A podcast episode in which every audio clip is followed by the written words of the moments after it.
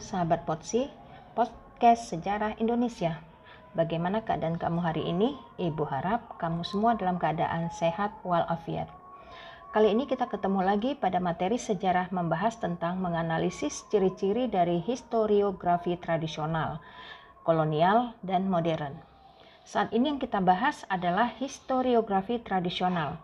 Tentunya setelah mendengarkan tentang materi ini, kamu harus bisa menguraikan pengertian historiografi dari sudut pandang beberapa tokoh, juga bagaimana ciri-ciri historiografi tradisional serta perkembangan historiografi tradisional. Baiklah, kita akan membahas satu persatu dimulai dari pengertian historiografi. Secara etimologi atau kebahasaan, pengertian dari historiografi yaitu histori itu berarti adalah sejarah dan graf berarti tulisan. Jadi secara deskripsinya historiografi adalah penulisan sejarah. Lalu bagaimana pandangan para ahli mengenai pengertian historiografi?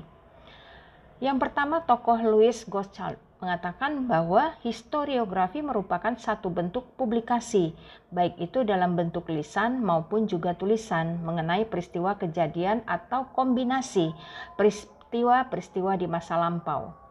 Lalu ada lagi tokoh Kunto Wijaya. Beliau mengatakan historiografi adalah tahap penulisan kembali suatu peristiwa sejarah sebagai sebuah bentuk catatan sejarah.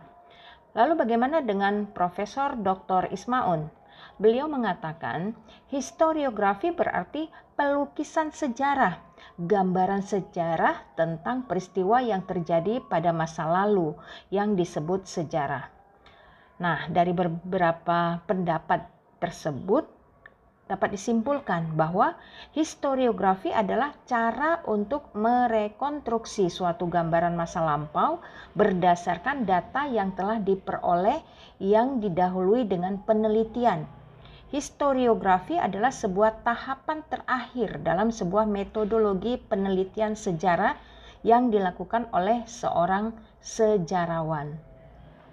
Ada beberapa tokoh lainnya, jadi kamu dapat e, berliterasi melalui berbagai sumber untuk mengetahui pengertian-pengertian dari historiografi tersebut. Sekarang kita akan membahas tentang ciri-ciri dari historiografi tradisional. Banyak ahli yang sepakat bahwa penulisan sejarah masa tradisional lebih merupakan ekspresi budaya daripada usaha untuk merekam sejarah. Artinya apa? Penulisan sejarah pada masa ini tidak ditujukan untuk mendapatkan kebenaran sejarah melalui pembuktian fakta-fakta, melainkan diperoleh melalui pengakuan dan untuk diabadikan kepada penguasa. Oleh karena itu, historiografi tradisional tercipta unsur-unsur sastra yang menghasilkan karya mitologi dan imajin imajinatif.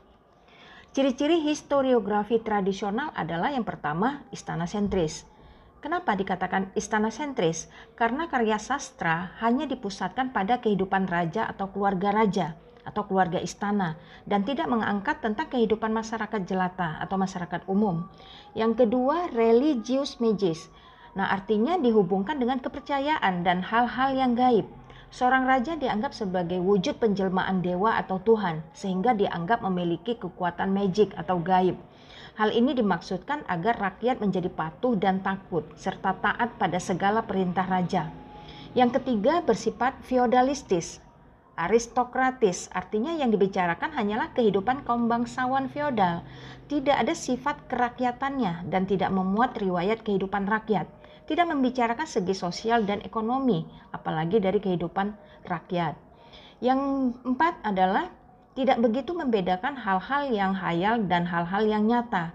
Yang kelima bersifat regiosentris atau kedaerahan, Artinya, historiografi tradisional banyak menekankan pada budaya dan suku bangsa di kerajaan tersebut.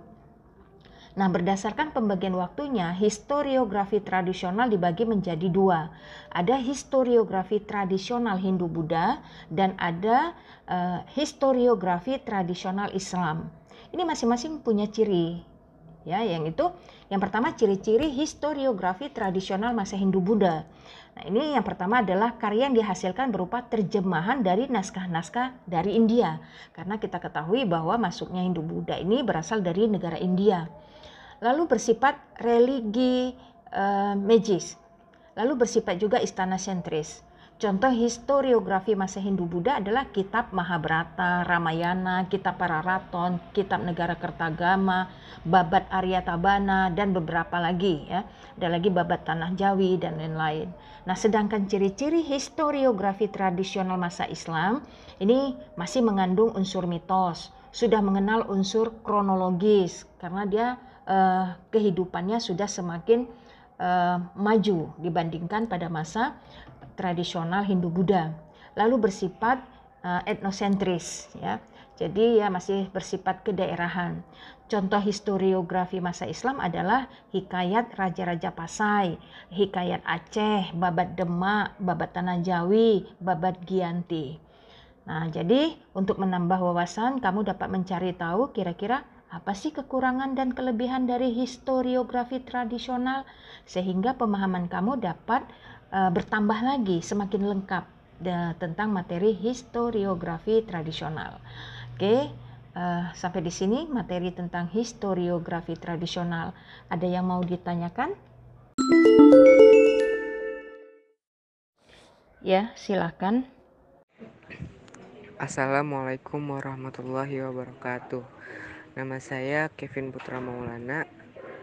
Saya ingin bertanya, mengapa historiografi tradisional di Indonesia lebih cenderung mengarah ke Java sentris. Bagus sekali pertanyaan kamu Kevin, hebat. Berarti kamu sudah memikirkan tentang Indonesia sentris. Mengapa? Karena Indonesia bukan hanya Pulau Jawa saja, tetapi meliputi dari Sabang sampai Maroke, dari Pulau Miangas sampai Pulau Rote. Ada 17.500 pulau-pulau yang terbentang tapi mengapa sejarah banyak bercerita tentang Pulau Jawa saja? Memang kalau kita telusuri dalam materi sejarah di sekolah, maka aspek Jawa sentris mendominasi hampir di setiap masa, sejak kajian prasejarah hingga era kemerdekaan. Mengapa? Ini ada beberapa sebab, antara lain kurang berkembangnya kajian sejarah lokal sebagai materi ajar sejarah. Kalau kita lihat lagi materi sejarah manusia purba dan budayanya, begitu juga dengan kerajaan-kerajaannya.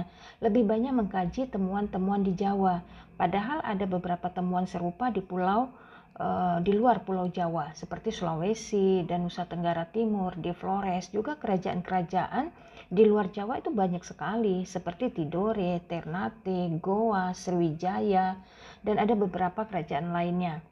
Lalu tentang penulis sejarah, banyak para penulis tersebut berasal sebagian dari Pulau Jawa. Selain itu diperkuat bahwa pusat kekuasaan juga ada di Pulau Jawa.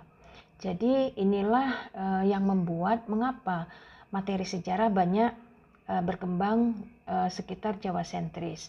Jadi kamu semua sebagai generasi penerus bangsa harus bisa mengangkat sejarah lokal di sekitar kita melalui tulisan-tulisan agar peristiwa-peristiwa bersejarah di sekitar wilayah kita juga dapat berkembang dan diketahui oleh orang lain. Begitu ya, Kevin. Terima kasih, Bu.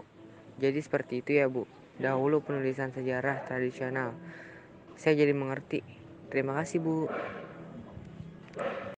Ada lagi yang mau ditanyakan? Baik, silakan. Assalamualaikum warahmatullahi wabarakatuh. Nama saya Carla Lexa. Saya ingin bertanya tentang materi ini.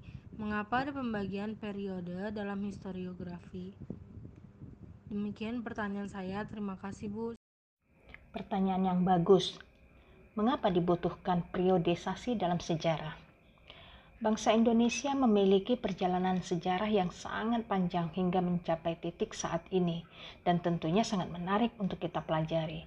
Tidak salah bila Presiden pertama Republik Indonesia Soekarno mengatakan dengan tegas untuk tidak melupakan sejarah dan perjuangan para pahlawan yang gugur mempertahankan kemerdekaan. Konsep periodisasi ini merupakan konsep penting dalam mempelajari sejarah dan sering disebut juga dengan berpikir kronologis di mana hal tersebut akan mempermudah kita dalam memahami setiap peristiwa yang terjadi dalam sejarah. Adapun tujuannya adalah dapat membantu mempermudah dalam memahami sejarah, membantu mengklasifikasikan peristiwa-peristiwa sejarah, memudahkan dalam menganalisis perkembangan perubahan yang terjadi di setiap periode, serta menyederhanakan rangkaian peristiwa sejarah. Itulah sebabnya dalam sejarah diperlukan periodisasi. Bagaimana Carla? Sudah mengerti? Sudah Bu, saya sudah paham.